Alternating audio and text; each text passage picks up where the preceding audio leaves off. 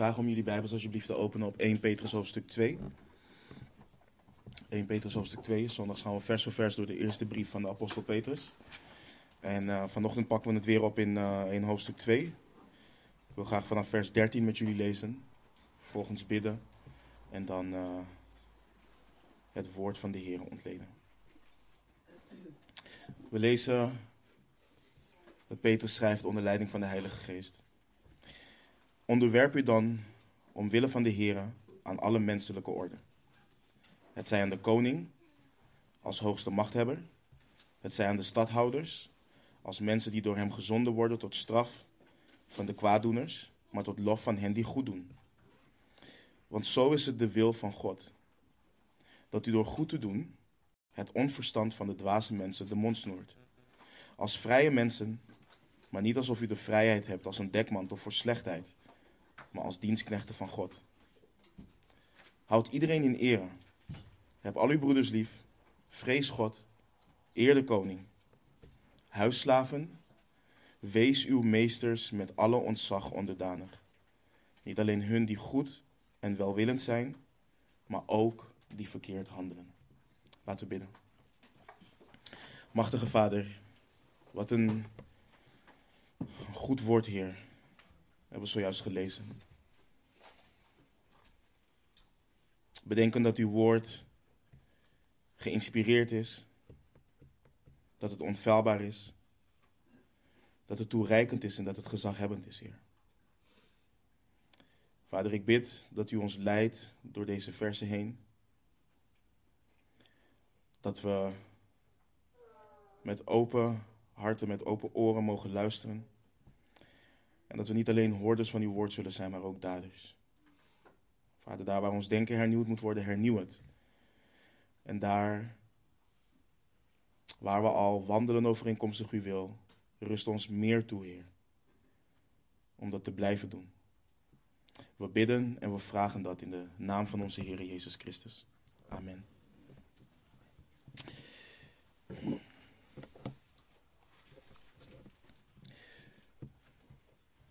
Wij mensen,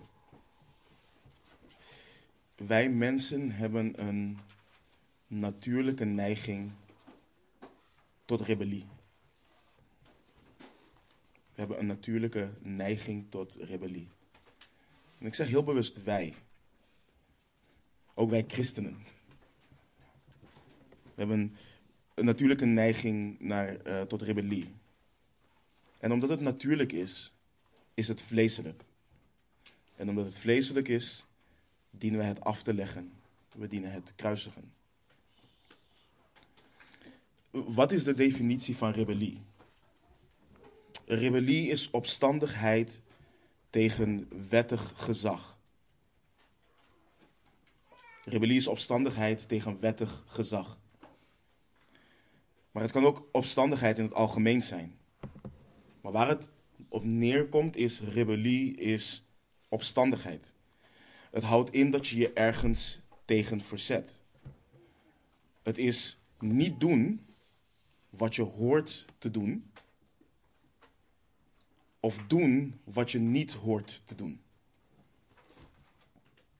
Let op hoe de Heere God rebellie omschrijft in zijn woord. In 1 Samuel 15, vers 23 lezen we dat de profeet tegen koning Saul zegt. Want opstandigheid is een zonde van waarzeggerij. En tegenstreven is afgoderij en beeldendienst. Omdat u het woord van de Heere verworpen hebt, heeft hij u verworpen, zodat u geen koning meer zult zijn. Let op wat de profeet duidelijk maakt. Opstandigheid is een zonde. Opstandigheid is een zonde. We, het is nooit goed te praten. Opstandigheid is een zonde. En het is als de zonde van waarzeggerij, waardoor de wet van God verboden wordt. Tegenstreven, daarmee wordt arrogantie bedoeld. Tegenstreven is het feit ook dat een mens probeert te rechtvaardigen waarom hij of zij opstandig is. Ze blijven vasthouden aan hun onschuld terwijl ze schuldig zijn. Ze zijn arrogant, ze streven tegen, ze gebruiken argumenten. En in het geval van hen die beleiden Godvrezend te zijn, vaak ook argumenten vanuit de schrift. Om hun opstandigheid te rechtvaardigen. Laten we een voorbeeld nemen. Hoe deed Saul dat? Koning Saul. Als jullie in jullie Bijbels alvast naar hoofdstuk 15 gaan, dus naar 1 Samuel 15. Saul moest iedereen met de band slaan. Voor zijn strijd tegen de Amalekieten werd in 1 Samuel 15 eh, vers 3 het volgende gezegd. En, en blijf in hoofdstuk 15, want we gaan daar doorheen, maar ik heb alleen um, vers 3 nu op het scherm. Ga nu heen en versla Amalek en sla alles wat hij heeft met de ban. Spaar hem niet, maar dood hen van man tot vrouw, van kind tot zuigeling, van rund tot schaap en van kameel tot ezel. Dit was het oordeel van God over Amalek. Maar lees je het verslag verder, dan zie je dat Saul de Amalekieten versloeg, maar Agag, de koning van de Amalekieten, greep hij levend. Hij spaarde de koning. De beste schapen en runderen, en wat bijna het beste was, de lammeren en alles wat goed was, wilden zij niet met de band slaan. Dat lezen we in, in hoofdstuk 15. De profeet Samuel komt vervolgens naar koning Saul toe.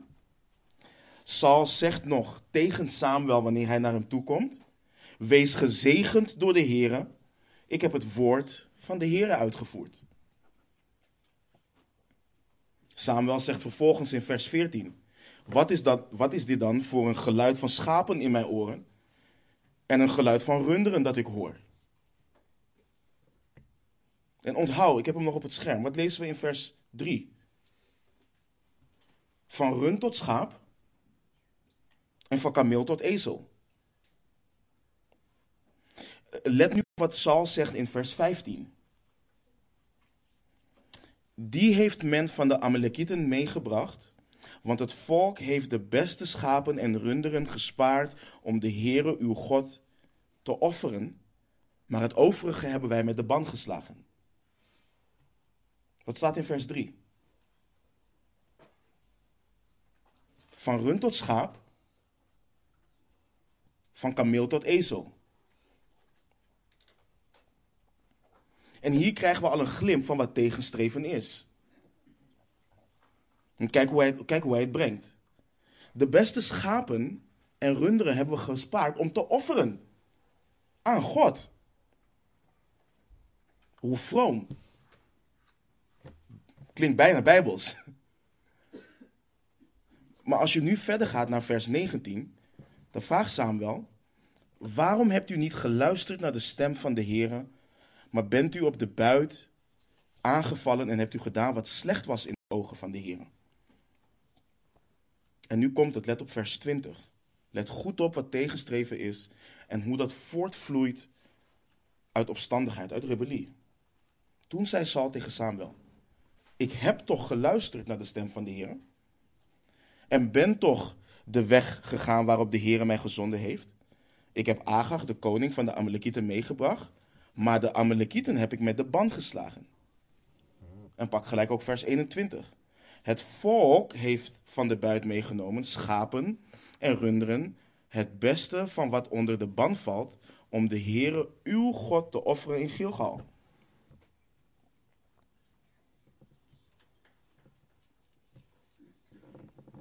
Maar voordat we Saul verdoemen en hoog op onze morele troon gaan zitten, is het belangrijk om ons te confronteren met de realiteit. Ook wij zijn hiertoe geneigd. Ook wij zijn hiertoe geneigd.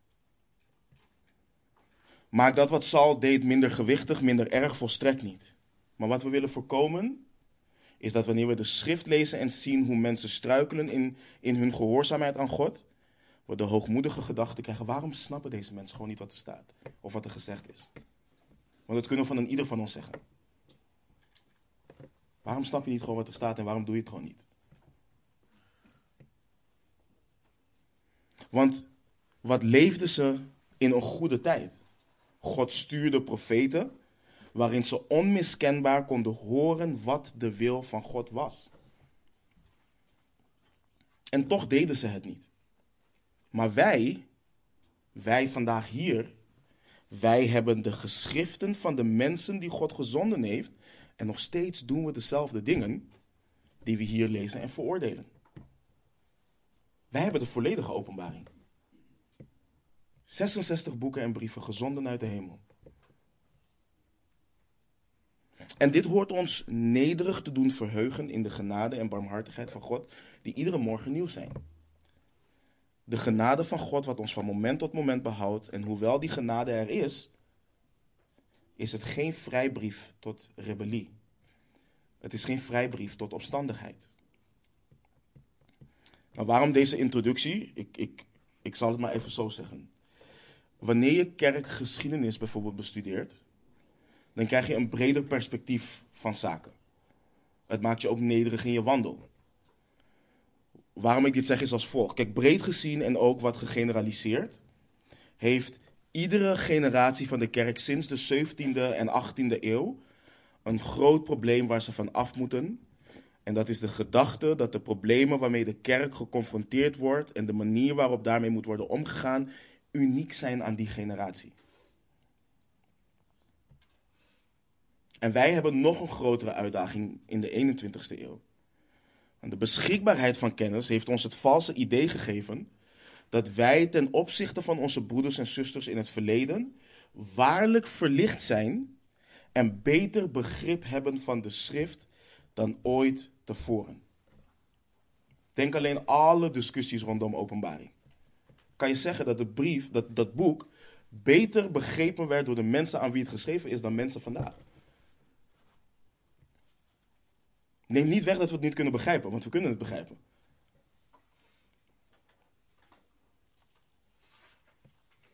Maar daardoor kijken we als het ware met medelijden, en geen goede vorm van medelijden overigens, naar de vorige generatie. En dit maakt de beleidende kerk van de 21ste eeuw een van de meest opstandigste generaties in de geschiedenis van de kerk. En dat is nogal wat. Onze tekst van vanmorgen is een tekst wat in veel kerken wordt genegeerd. Niet alleen deze tekst, ook Romeinen 13, vers 1 tot en met 7, Titus 3, vers 1 tot en met 3, 1 Timotheus 2, vers 1 tot en met 4. Deze teksten worden veel genegeerd. Ook in de meest conservatieve kerken. En als ze behandeld worden, worden ze verdraaid en gepredikt op een wijze waar totaal geen rekening wordt gehouden met de rijke geschiedenis van de kerk. Want dit is het gemiddelde antwoord of de gemiddelde uitspraak die je, gehoor, die je hoort, gerelateerd aan de tekst die we vandaag lezen. Ik weet wat er staat over de houding van ons als christenen jegens de overheid. Maar als je kijkt hoe goddeloos onze overheid is, tja, ik weet het niet hoor. Ik weet niet of ik dan kan doen wat er staat. Dat is de gemiddelde houding. En we hebben voor veel dingen een oorzaak. Hè? Een oorzaak waarom er rebellie is in de kerk. Als het gaat over de rol van man en vrouw, wijzen we met onze vingers naar het feminisme. Als het gaat over de rol van kinderen, dan wijzen we met onze vingers naar hedendaagse psychologie en pedagogiek. Maar voor onze rebellie jegens de overheid, daar hebben we niets voor. Want we zien het veelal niet als rebellie en rechtvaardigen onze opstandigheid richting de overheid. Het volgende wat ik ga zeggen is, is, is niet om te provoceren of om zomaar een naam te noemen, maar dit is echt om een punt te maken. Ik weet dat de meeste, of volgens mij kennen de meeste jullie van hem, uh, kennen jullie hem. Johan Maasbach. Ik, ik, jullie weten, ik, ik zeg het gewoon. Jo, Johan Maasbach is een dwaalleraar. Het is gewoon wat hij is. Dat is over het algemeen ook bekend in de kerkelijke wereld. Predikt veelal een welvaartsevangelie. predik dat je verplicht bent om geld te geven opdat God je zegent. Maar er is iets veranderd de afgelopen tijd in zijn bediening, waardoor hij een grote aanhang heeft gekregen van christenen waarvan je eerst zou denken, ik had nooit gedacht dat jij naar Johan Maasbach zou luisteren. En wat is er gebeurd? Nou, sinds het hele coronadebakel hebben veel christenen een hekel gekregen aan de overheid. Want de overheid is te ver gegaan, wordt gezegd. Nou, nu spreekt Johan Maasbach daar heel veel over. Dus er is een kanteling gekomen in zijn bediening. En dat is ook wat veel dwaalleraren doen. Ze kijken naar wat is hot en daar haak ik op in. En daar krijg ik, een volg, daar krijg ik volgelingen mee. Hij spreekt over de slechtheid van de overheid, de goddeloosheid van de overheid, alle snode plannetjes van de overheid. En daar gaat de christen goed op nu. Daar gaan ze goed op. Want het voedt en bevestigt wat er al in ons hart leeft. En als wij vanmorgen erachter komen dat wij dat in ons hart hebben, dan moeten wij ons bekeren. Want de schrift leert wat anders.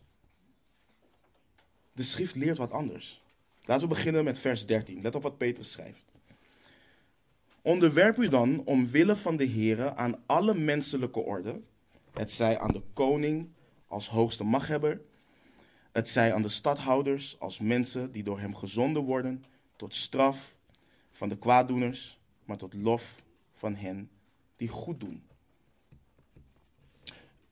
Let op het woord onderwerp. Onderwerp. De manier waarop dit wordt geschreven in het Grieks, dus de variant van dit woord, komt drie keer voor in het Nieuwe Testament. Het komt voor in Jacobus 4, vers 7. Onderwerp u dan aan God, bied weerstand aan de duivel en hij zal van u wegvluchten. Iedere gemiddelde christen die zijn Bijbel kent en serieus met de schrift wil omgaan, die, die, die zal zeggen: Dit betekent gewoon onderschik je aan de heerschappij van God, aan het gezag wat er is. Onderwerp je dan aan God. Het komt voor in onze tekst van vanmorgen, maar het komt ook voor in 1 Petrus 5, vers 5. En daar komt het voor in het woord onderdanig. Even zo, jongeren. Wees aan de ouderen onderdanig en wees, elkaar onder, wees allen elkaar onderdanig. Wees met nederigheid bekleed, want God keert zich tegen de hoogmoedigen, maar de nederigen geeft hij genade. Nou, dit, dit woord is een afgeleide van het woord hupotasso. Grieks, mijn uitspraak is niet goed, maar dit woord heeft in het Grieks een militaire lading. Het betekent jezelf onderplaatsen of jezelf rangschikken. Het spreekt van gehoorzaam. Het spreekt van jezelf rangschikken, jezelf plaatsen, je plaats innemen op de plek waar je behoort op basis van Gods rangschikking. Daar spreekt van. En nu moeten we dit beseffen. Dus na te hebben aangespoord om te strijden tegen de vleeselijke begeerten, die strijd voeren tegen de ziel, naar de aansporing om de levenswandel goed te houden onder de heidenen als bijwoners en vreemdelingen, is de volgende aansporing van de apostel Petrus aan deze discipelen, waarvan onterecht wordt kwaadgesproken, om hen te onderwerpen. Om hun rechtmatige plaats in te nemen. Dat is wat er wordt, dat is, dat is het gebod. En, en nu is het belangrijk om het bij het volgende stil te staan. Wat is het hart achter onderwerping?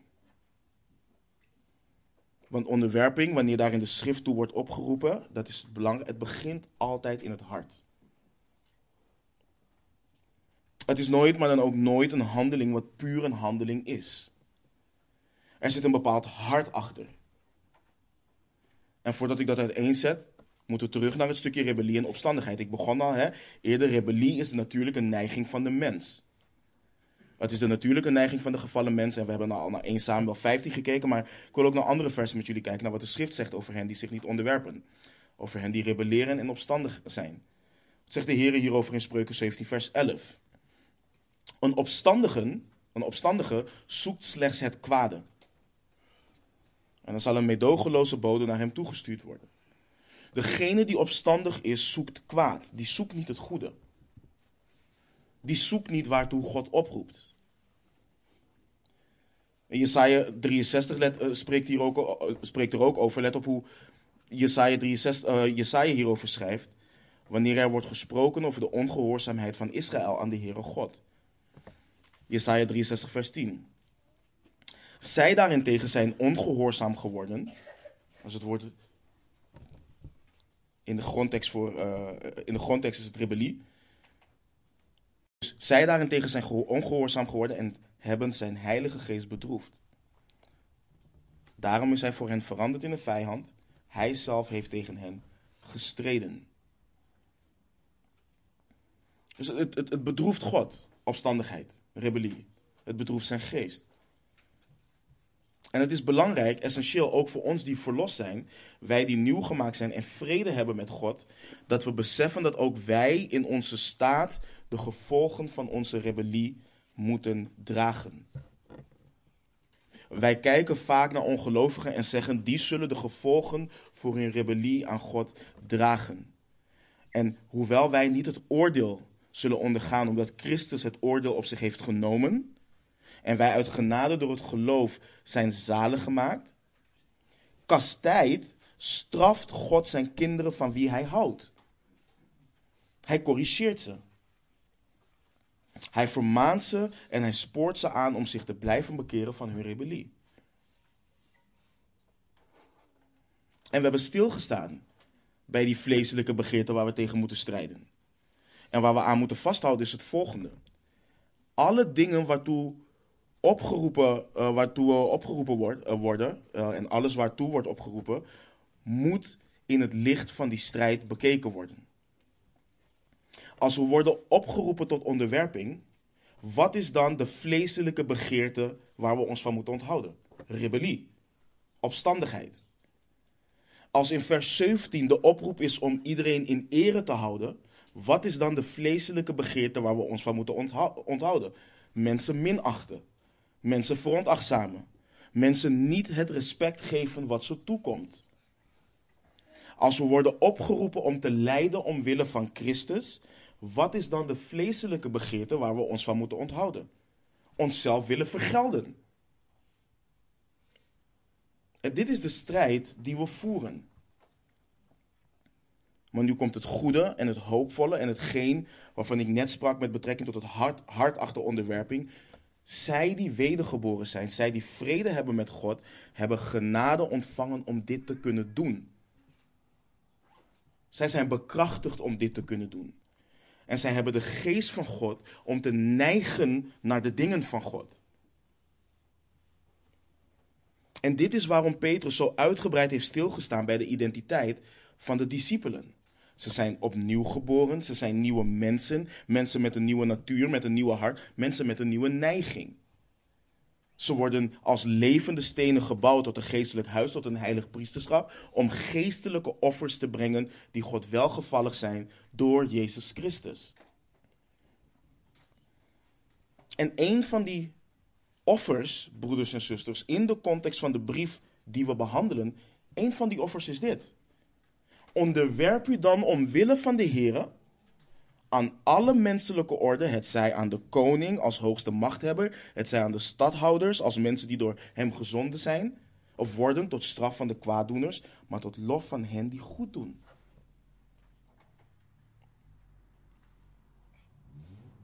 Dat is de aansporing. Dat is het gebod van de apostel Petrus. Dit is onder andere hoe zij hun levenswandel maar ook hoe wij vandaag onze levenswandel onder de heidenen goed houden. Met een hart van onderwerping.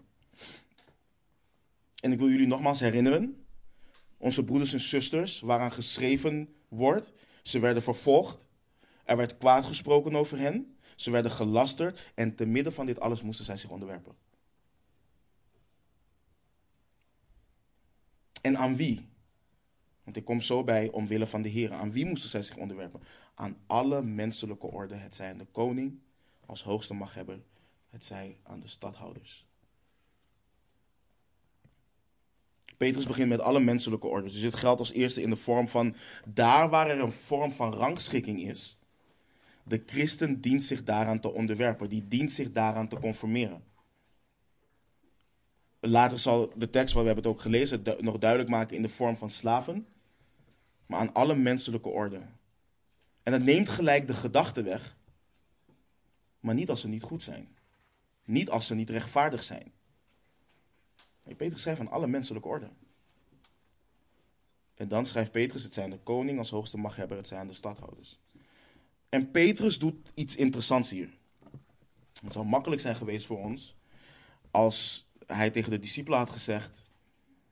En eh, als hij dat had gezegd en de discipelen zeggen zich, ja, wij, wij onderschikken ons aan de koning. Je hebt als het ware niet direct contact of direct te maken met de koning. Dat is wat afstandelijker. Je weet dat hij de hoogste machthebber is en dan gehoorzaam je hem. Maar alles wat daaronder is, nee, absoluut niet. Dat, dat, dat, dat willen we niet. Maar Petrus heeft het ook over de stadhouders. Die onder het gezag van de hoogste machthebber zijn. En nu komt het dichterbij. Want dit zijn de mensen die het gezag van de koning hebben gekregen om op lokaal niveau te regeren. En je leest in vers 14 nog verder wat de bediening is van die stadhouders en van die koning. Ze horen kwaaddoeners te bestraffen. En dit is de taak van de overheid. Dat het hen ten goede is van hen die goed doen en dat ze hen bestraffen die kwaad doen. Maar net zoals ze dat nu, vandaag de dag niet doen en opvolgen, moeten beseffen, dat deden ze toen ook niet. En dit is echt belangrijk om te beseffen. Ook toen had je overheden die dat niet deden. Maar toch spoort Petrus de broeders en zusters hiertoe aan. Ze moeten zich onderwerpen.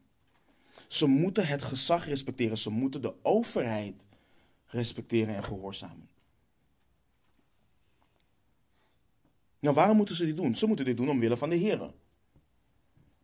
En, en, en dit moeten we begrijpen met elkaar. Want kijk, het zijn dezelfde mensen die hoog van de toren roepen dat Paulus vrouwen oproept om hun mannen onderdanig te zijn, zoals aan de heren, die excuses hebben voor hun rebellie aan de overheid.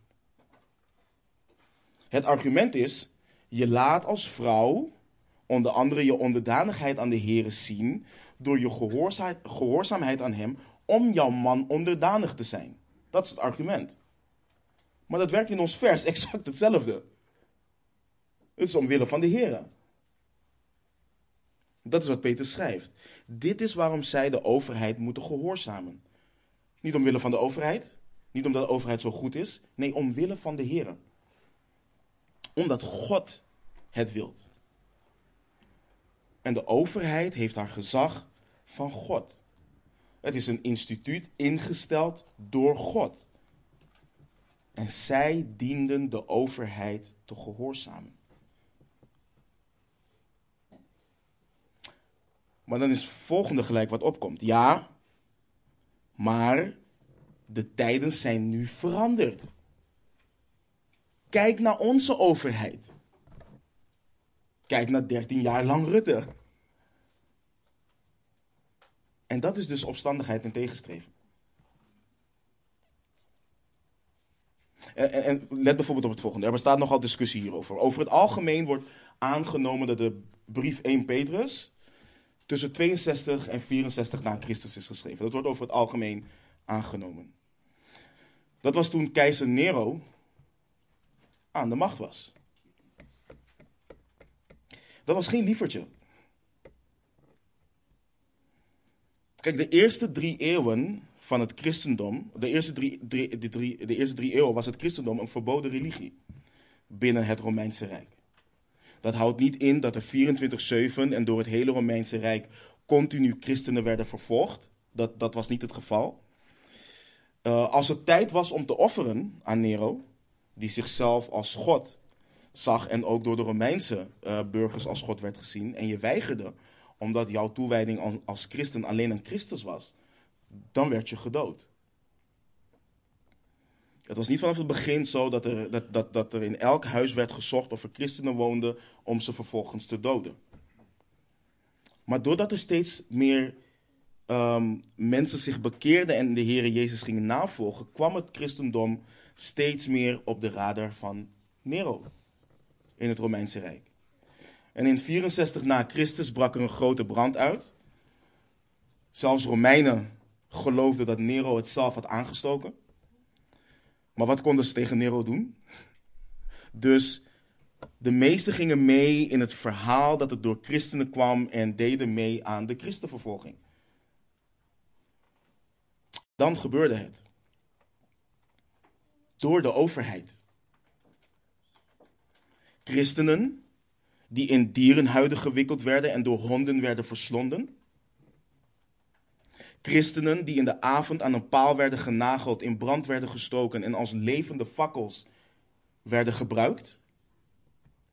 Christenen die verscheurd werden door leeuwen. Dit kwam allemaal vanuit de overheid. De keizer. En in die periode dat dit gebeurde, herinnerden discipelen elkaar aan de zalige woorden van de apostel Petrus uit deze brief. Dat is wat ze deden. Omwille van de Heer. Wij kunnen ons dat niet voorstellen. Wij kunnen ons dat niet voorstellen. Maar zij herinnerden zich. Herinner de gezegende woorden van de apostel Petrus. Wat zou er vandaag gebeuren onder christenen als ze zouden horen? Ik ga het zo voorlezen. Dat twee mensen van de staat het volgende naar elkaar hadden geschreven. Ik wil even voorlezen van een brief van een stadhouder van Pontus. Pontus is een van de steden waaraan wordt geschreven in, uh, in 1 Petrus. Genaamd um, Plinius. Um, hij was dus stadhouder daar. En Plinius schreef een brief naar de keizer genaamd Trajanus. Hij was keizer van ongeveer 98 tot 117 na Christus. Ik citeer. Het is mijn gewoonte, mijn Heer, om alle zaken waarover ik twijfel aan u voor te leggen. Want wie kan beter leiding geven aan mijn aarzeling of mijn onwetendheid informeren? Ik heb nooit deelgenomen aan processen tegen christenen. Ik weet daarom niet welke overtredingen gebruikelijk zijn om te straffen of te onderzoeken en in welke mate. En ik heb aanzienlijk getwijfeld of er enig onderscheid moet zijn op basis van leeftijd of geen verschil tussen de zeer jonge en de meer volwassenen. Of vergeving moet worden verleend voor berouw, of dat het voor een man die eens christen is geweest geen goed doet om te zijn opgehouden en een te zijn, of de naam zelf, zelfs zonder de overtredingen of alleen de overtredingen die met de naam gepaard gaat, gestraft moet worden. Ondertussen, in het geval van degenen die als christenen aan mij werden aangegeven, heb ik de volgende procedure gevolgd. Ik ondervroeg hen of ze christenen waren.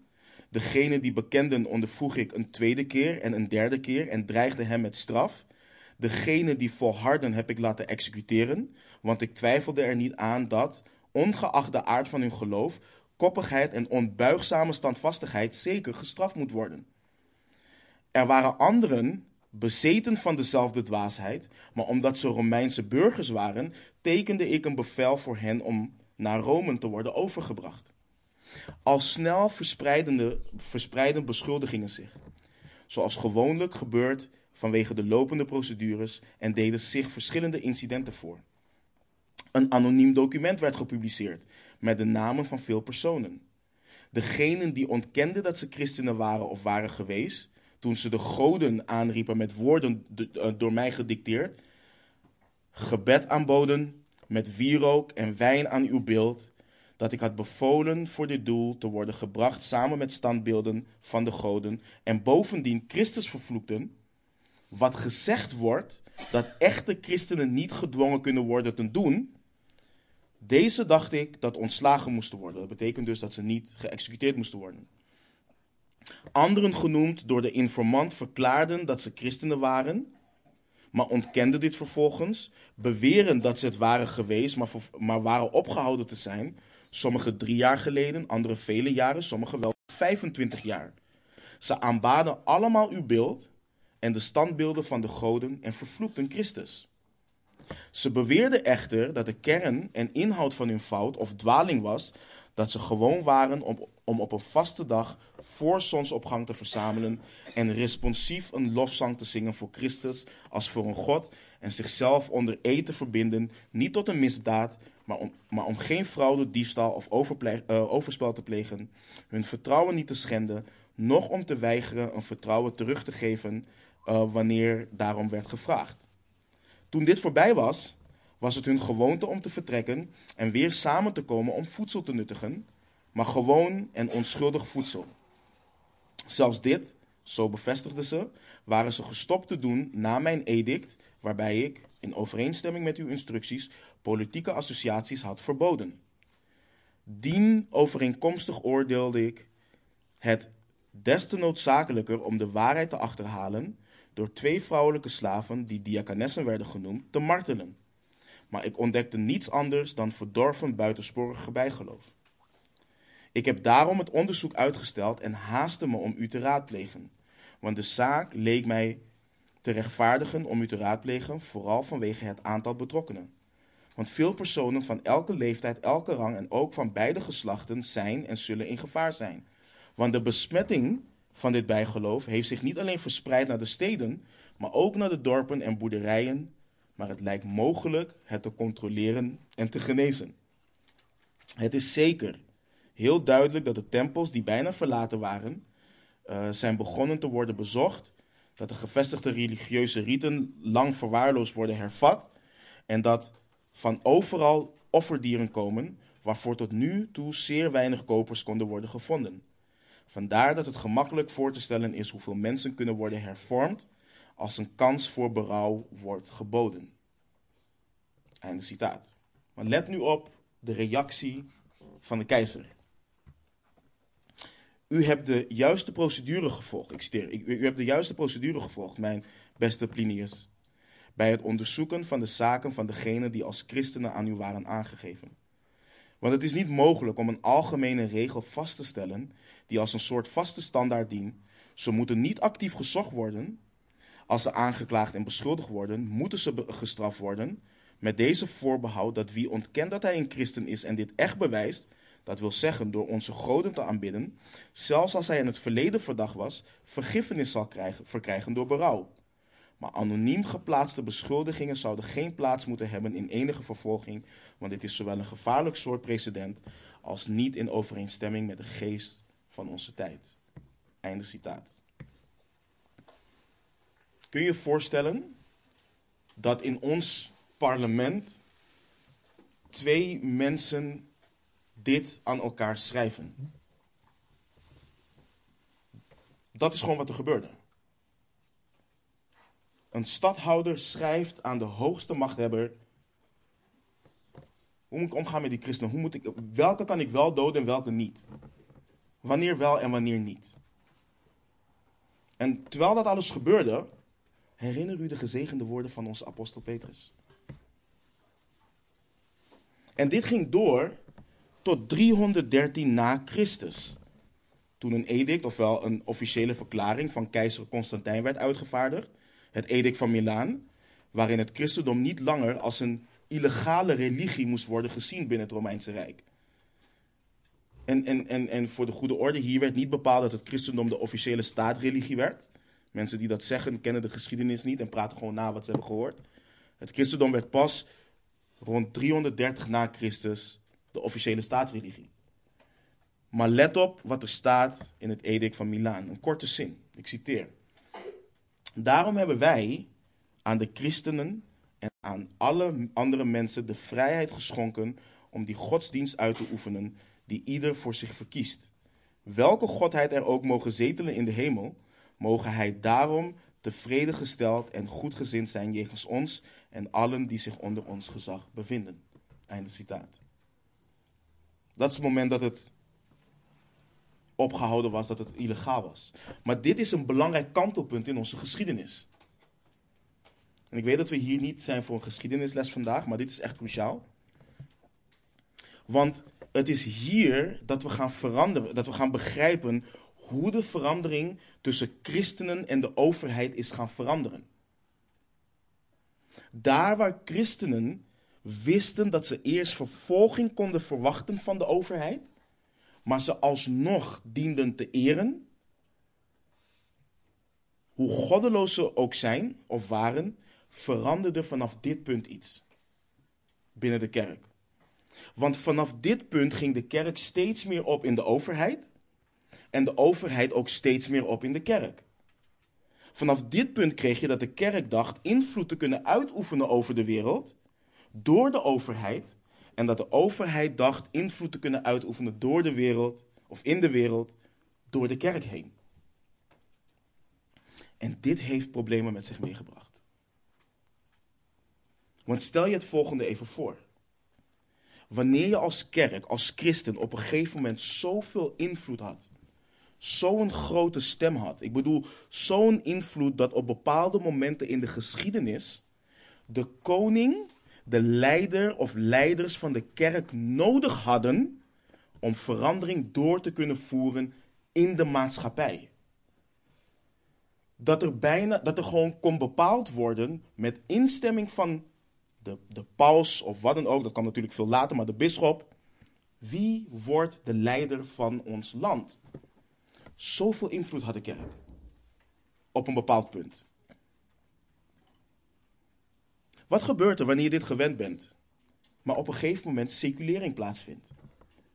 Wanneer er een, een verschuiving plaatsvindt dat de overheid de kerk niet meer nodig heeft door de democratisering dan word je bitter als christen. Want al die tijd dacht je dat de overheid in jouw dienst stond. En dat is waarom wij deze teksten nemen die wij behandelen en zeggen: ja, klopt. We moeten ons onderwerpen, we moeten gehoorzamen, maar oordeel zelf of het juist is in Gods ogen meer naar de overheid te luisteren dan naar God. En we citeren het volledig uit context. Volledig uit context.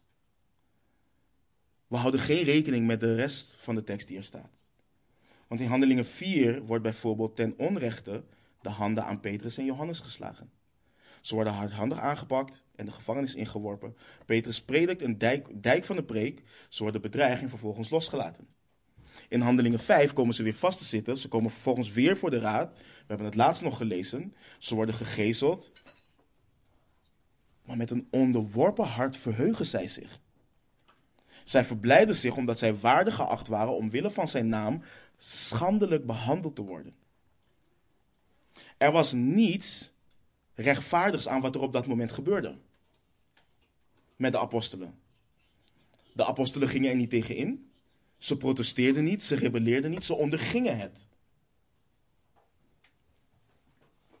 En dat is het verschil met vandaag de dag. iemand zei bijvoorbeeld een keer tegen me dat ik vanaf hier de kansel uh, Mark Rutte en Hugo de Jonge tot uh, bekering moest oproepen in in, in de coronaperiode. En dat werd onderbouwd door te verwijzen naar hoe Johannes de Doper Herodes confronteerde met zijn zonde. Maar Johannes de Doper confronteerde Herodes direct. Hij confronteerde hem direct. Hij heeft hem persoonlijk en direct gezegd dat het niet wettig was om de vrouw van je broer te nemen als vrouw. Context is zo belangrijk. En ik wil niet lichtzinnig doen over wat we allemaal wel of niet ervaren door de keuzes van onze overheid. Maar we moeten zaken wel in perspectief bekijken. Dat we ze, we moeten zaken bijbels bekijken en ervoor waken dat we niet doen zoals koning Saul door vroom te klinken, maar we eigenlijk gewoon rebelleren in ons hart. Want er is nooit een excuus voor rebellie. Zelfs het weigeren. Het weigeren van iets doen wat de overheid opdraagt, omdat het tegen het duidelijk gebod van God ingaat, kan met een onderworpen hart. Ik heb hem niet op het scherm, maar ik wil jullie vragen in je Bijbel naar um, Daniel 3.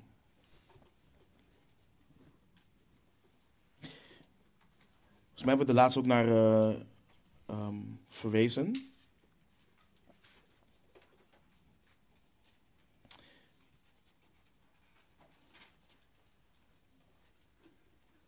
Even kijken.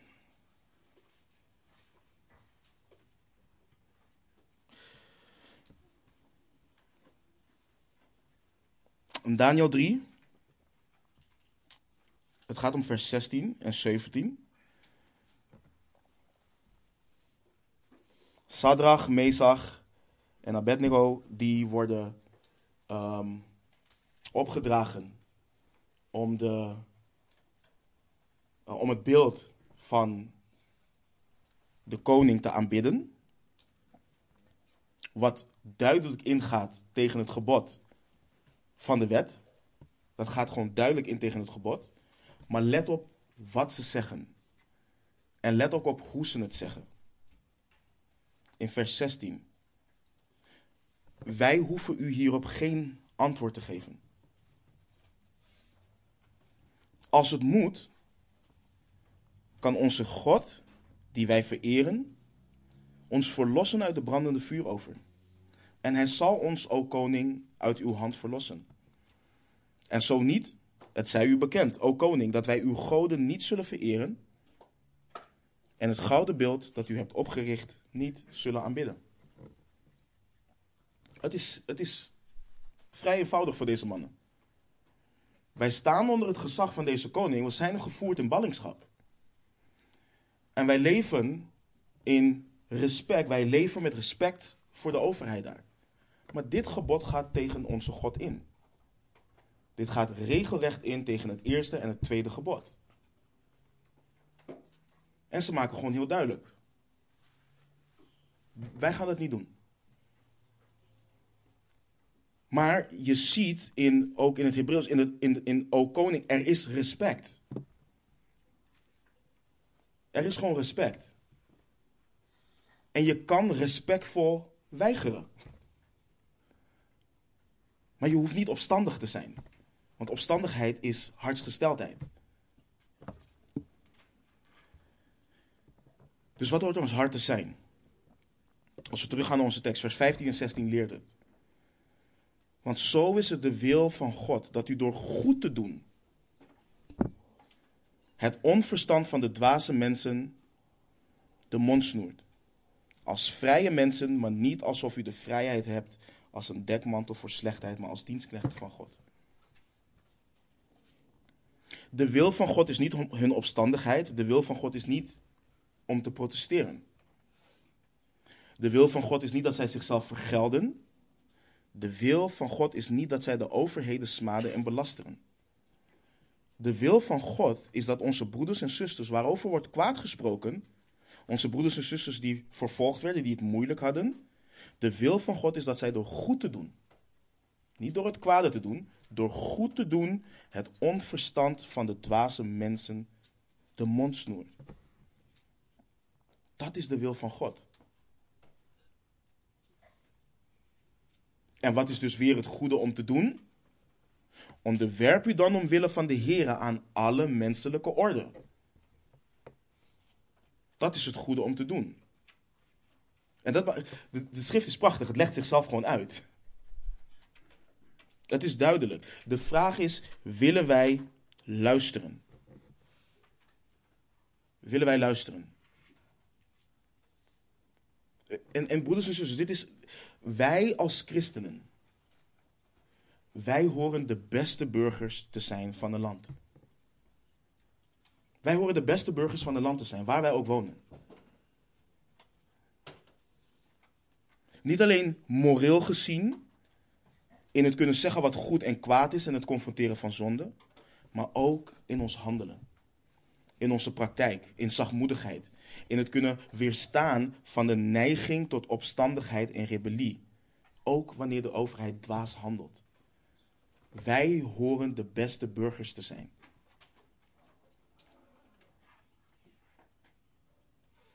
En Petrus doet iets goeds in, in, in deze brief. We zijn bijwoners, we zijn vreemdelingen. Ons burgerschap is in de hemelen. Maar dat ontslaat ons niet van onze verplichting, onze plichten hier op aarde.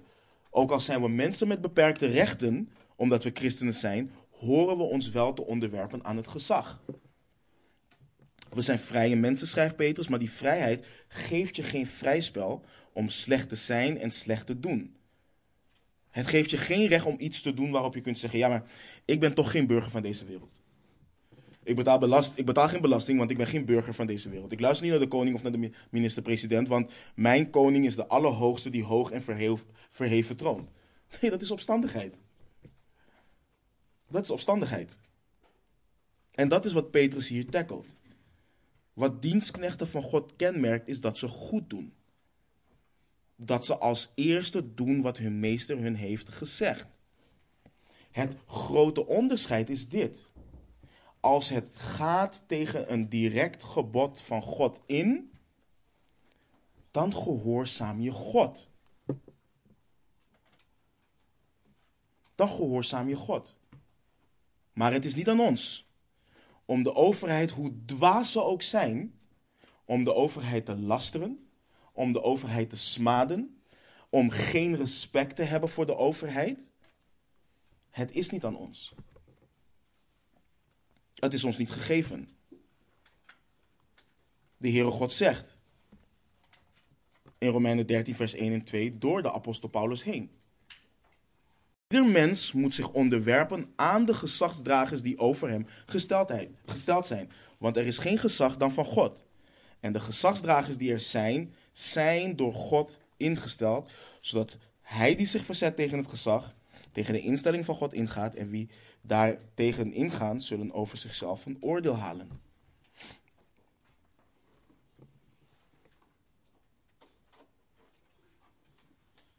En dit is, dit, dit, is, dit is wat de schrift leert. Kijk, en wat ik wil dat we inzien, want ik heb het volgende argument ook veel gehoord. Ja, je, je, je kunt deze teksten niet alleen, niet alleen deze teksten gebruiken om onze relatie jegens de overheid te omschrijven. Want je hebt ook de psalmen en je hebt ook de profeet, de profeet en de, eh, de, en de, uh, de wet en de, de profeten. Maar broeders en zusters, het is met de kennis die Paulus en Petrus hadden van de psalmen en de wet, dat zij onder leiding van de Heilige Geest deze overleveringen aan ons geven. Het is met de kennis die zij hadden dat ze dit schrijven. Want als je deze brief goed bestudeert, dan lees je er doorheen dat Petrus veel heeft gemediteerd op Leviticus. Hij heeft veel gemediteerd op de psalmen. Het zit er gewoon doorheen. Maar toch schrijft hij dit. En Paulus, die de wet goed kende, schrijft dit.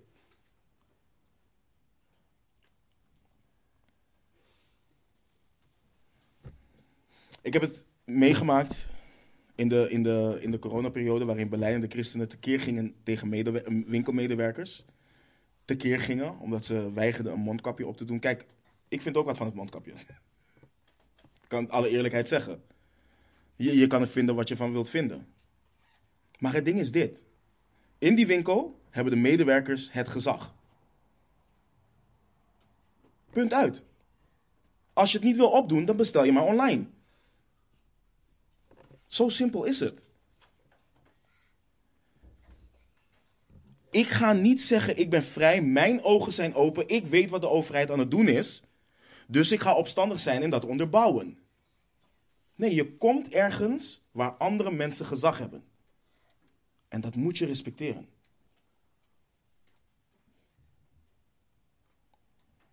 En de opstandigheid was in die periode wijd verspreid. Christenen waren boos, woedend, want je moest een bewijs hebben om ergens binnen te komen. En hoe kreeg je die? Nou, of door vaccinatie, of bewijs dat je corona hebt gehad. Kijk, voor mij was het simpel. Ik ga nergens heen. Dus het was heel simpel voor mij. Ik ga nergens heen. Want ik wilde het vaccin niet en ook, en ook had ik geen corona toen gehad. Dan is het heel simpel. Dan blijf ik thuis. Ja, maar dat is een schending van onze vrijheid, een schending van onze fundamentele rechten. Dat is het argument wat je veel hoorde.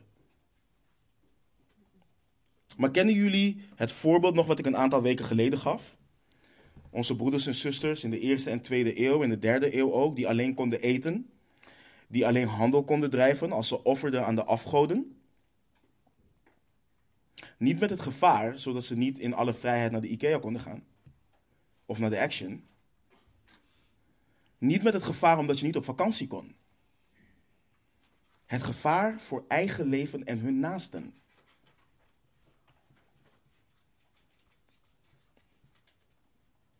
En weet je wat onze broeders en zusters toen kenmerken? Respect voor de overheid. Respect voor de overheid. Onderwerping aan het vonnis van de overheid.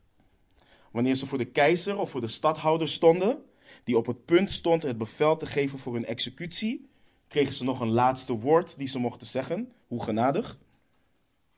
Ze loofden met hun laatste woorden onze zaligmaker, bemoedigden de broeders en zusters die erbij waren en waarschuwden met alle respect en nederigheid de ongelovigen, ook de keizer of de stadhouder, voor het komende oordeel.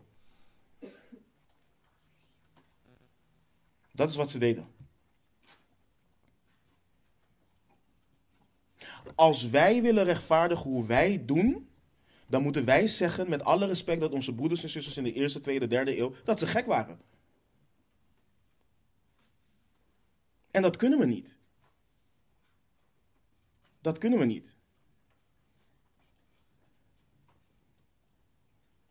We dienen, wij dienen burgers te zijn die respect hebben, respect tonen aan al het gezag, alle, aan alle menselijke orde. Hetzelfde diende ook de slaven te hebben. We zien het in onze tekst. Ook zij moesten zich onderwerpen. Vers 18.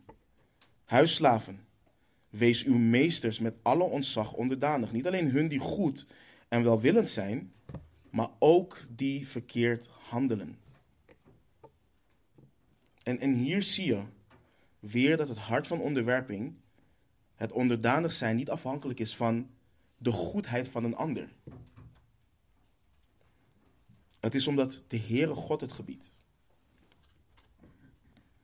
Als je in het huis was van een meester die slecht voor je was, dan diende je je meester toch onderdanig te zijn. Je diende toch respect te hebben voor zijn positie. Zijn positie te respecteren. Maar wij zijn zo autonoom vandaag. Vrijheid heeft een hele andere betekenis voor ons gekregen.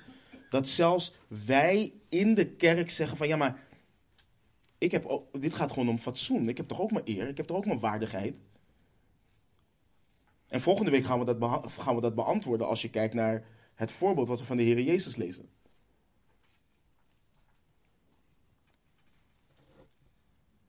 Let op het woord, uh, let op het woord verkeerd in vers 18.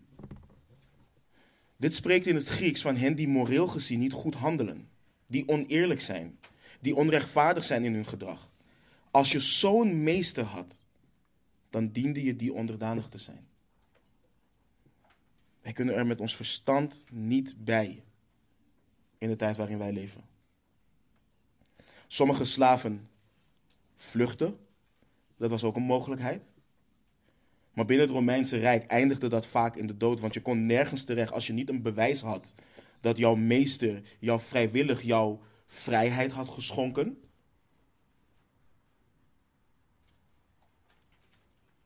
Dus dit, dit, gebod van Petrus, zijn oproep staat als een paal boven water. Goed of slecht, onderschik je aan het gezag wat jou gegeven is. Onderschik je aan de orde die God heeft ingesteld. En velen passen vers 18 toe natuurlijk op, de, op, op, ehm, op werkgeverschap vandaag. Hè, wat voor werknemers zijn we? Dat kan. Het gaat niet helemaal op, omdat de vrijheid die er heerst tegenwoordig in werkgeverschap anders is dan wat we in, de, in die tijd zien. Uh, maar de principes zijn wel hetzelfde. Als je een onredelijke werkgever hebt, dien je je werkgever te blijven respecteren. We hebben geen vrijbrief voor rebellie, voor ruzie, voor opstandigheid, voor smaad, voor laster van onze werkgever. We dienen respectvol te blijven. We kunnen het oneens zijn. We hebben ruimte om zorgen of onvrede te uiten, maar dat dient altijd op respectvolle wijze te gebeuren. Eerbaar als dienstknecht van God. En in onze tijd, soms kom je er niet uit met je werkgever. Nou, wij hebben hier in onze tijd de, de, de vrijheid dan om op zoek te gaan naar ander werk. Dat hadden die slaven toen niet. Maar ook, al, ook dat dient altijd eerbaar te gebeuren. Dat je op een goede manier uit elkaar gaat als werkgever en werknemer. Altijd met een respectvol hart. We sluiten af met wat Petrus schrijft in vers 17. Dit is belangrijk. Houd iedereen in ere. Heb al uw broeders lief. Vrees God. Eer de koning. Ons respect, onze eerbied voor alle mensen om ons heen begint met vrees voor God. Het begint met eerbied voor God. En eerbied voor God uit zich in eerbied voor alle vorm van orde en gezag. Gisteren lachten we erom. Het is niet om dat voorbeeld, maar ik heb hem toevallig wel. Ben je het er niet mee eens dat we slechts 100 mogen rijden op de snelweg? Het maakt niet uit wat je vindt. Vrees God en houd je aan de regels. En houd je er niet alleen aan wanneer je weet dat er flitsers zijn, of wanneer een controle plaatsvindt, houd je er altijd aan. Onderwerp je aan het gezag omwille van de Heer. Want de realiteit is dit, hè. Als je je alleen onderwerpt wanneer mensen kijken, dan onderwerp je je niet. Dan ben je opstandig. Ben je het er niet mee eens dat je belasting moet betalen of dat je zoveel belasting moet betalen? Het maakt niet uit wat je vindt. Geef aan de keizer wat van de keizer is. En aan God wat van God is. Vrees God en onderwerp je aan het gezag omwille van de Heer. Kun je op legale wijze gebruik maken van bepaalde aftrekposten? Doe dat. Maar ga niet sjoemelen. Ga niet sjoemelen, ga niet verduisteren, maak, maak je niet schuldig aan, aan, aan fraude. Wees niet opstandig. Wees geen rebel. Houd iedereen in ere. Heb al uw broeders lief, vrees God, eer de koning. En ik weet dat dit een onderwerp kan zijn wat niet populair is. Het is, het is populair vandaag de dag. Het is gewoon populair om je te verzetten tegen de overheid. Om ze te smaden, om ze te lasteren. Om opstandig te zijn. En ik zeg je soms, ik, volg soms debatten van de Tweede Kamer en mevrouw loopt genadig langs en die klapt die laptop dicht van, doe niet. Je weet hoe dat eindigt in je hart. Doe het niet. Want ik vind er ook wat van. We vinden er allemaal wat van. Maar dan komt Titus 1, of Titus 3. Ook wij waren onverstandig. En, en, en, en maakt het goed wat ze doen? Nee. Nee. Maar we moeten wel eerlijk zijn. Het is verleidelijk om sprekers te zoeken die daarin meegaan. Maar we moeten de schrift openslaan en wat doen met wat we lezen. Wat we, wat we er ook persoonlijk van vinden. En laten we niet zijn zoals hen waar Paulus over schrijft. Dat, ze, dat we de gezonde leer niet verdragen, dat we zoeken wat het gehoor streelt. En dat we leraars verzamelen die spreken overeenkomstig onze begeerten. Want het is makkelijk om dat te citeren over hen die het welvaartsevangelie navolgen. Het is makkelijk om het over heel veel anderen, maar ook dit is de gezonde leer. Ook dit is de gezonde leer. En dan moeten we doen wat Paulus schrijft. Oh, ik heb hem niet meer op het scherm. 2 Timotheus, 2, 2 Timotheus 4, vers 5. Maar u, wees nuchter in alles. Leid verdrukkingen. Doe het werk van een evangelist. Vul uw dienstwerk ten volle. Dat is wat wij dienen te doen. Amen. Laten we bidden. Machtige Vader. We danken u, Vader, want u bent een goede God. En Vader, u bent zo goed, Heer, want u laat ons nergens mee wegkomen. Uw woord heeft over alles wat te zeggen. Want u bent een God die alwetend is. die wijs is boven onze verbeelding, boven ons verstand. Het gaat ons verstand te boven, Heer. En u ziet de dingen die wij niet zien. En u heeft alles gegeven, Heer. Overeenkomstig uw goede wil en uw welbehagen. Mogen het zo zijn, Vader, dat wij ons hieraan onderschikken. Mogen het zo zijn dat wij voorbeeldige burgers mogen zijn. En Vader, dat we ook blijven vasthouden aan de overleveringen die u ons hebt gegeven. Want Heer, we zien het. Dat het steeds dichterbij komt. We zien het dat de overheid ook probeert te kijken in waar kunnen ze wat doen en wat niet doen met betrekking tot de kerk. En waar ze de kerk in proberen te forceren. En laat het zo zijn, Heer, dat we niet met een opstandig of rebellerend hart er tegen ingaan, maar dat we met een onderworpen hart aan U, U blijven gehoorzamen. Maar wel respectvol en eerbiedig blijven. Ehm, omdat U dat gewoon leert in Uw woord. Mogen het ook zo zijn, Heer, dat we als werknemers goede werknemers mogen zijn. En dat zij die werkgevers zijn hier ook goede werkgevers mogen zijn ehm, aan hun uh, werknemers hier. Rust ons allen toe en help ons, Vader, om ons te blijven verzetten tegen de geest van rebellie en opstandigheid. Dat we onze vleeselijke begeerten blijven verloochenen. En dat we dat we onze levenswandel goed houden, Heer, zoals u dat wilt. We loven uw naam en we prijzen u in de machtige naam van onze Heer Jezus Christus. Amen.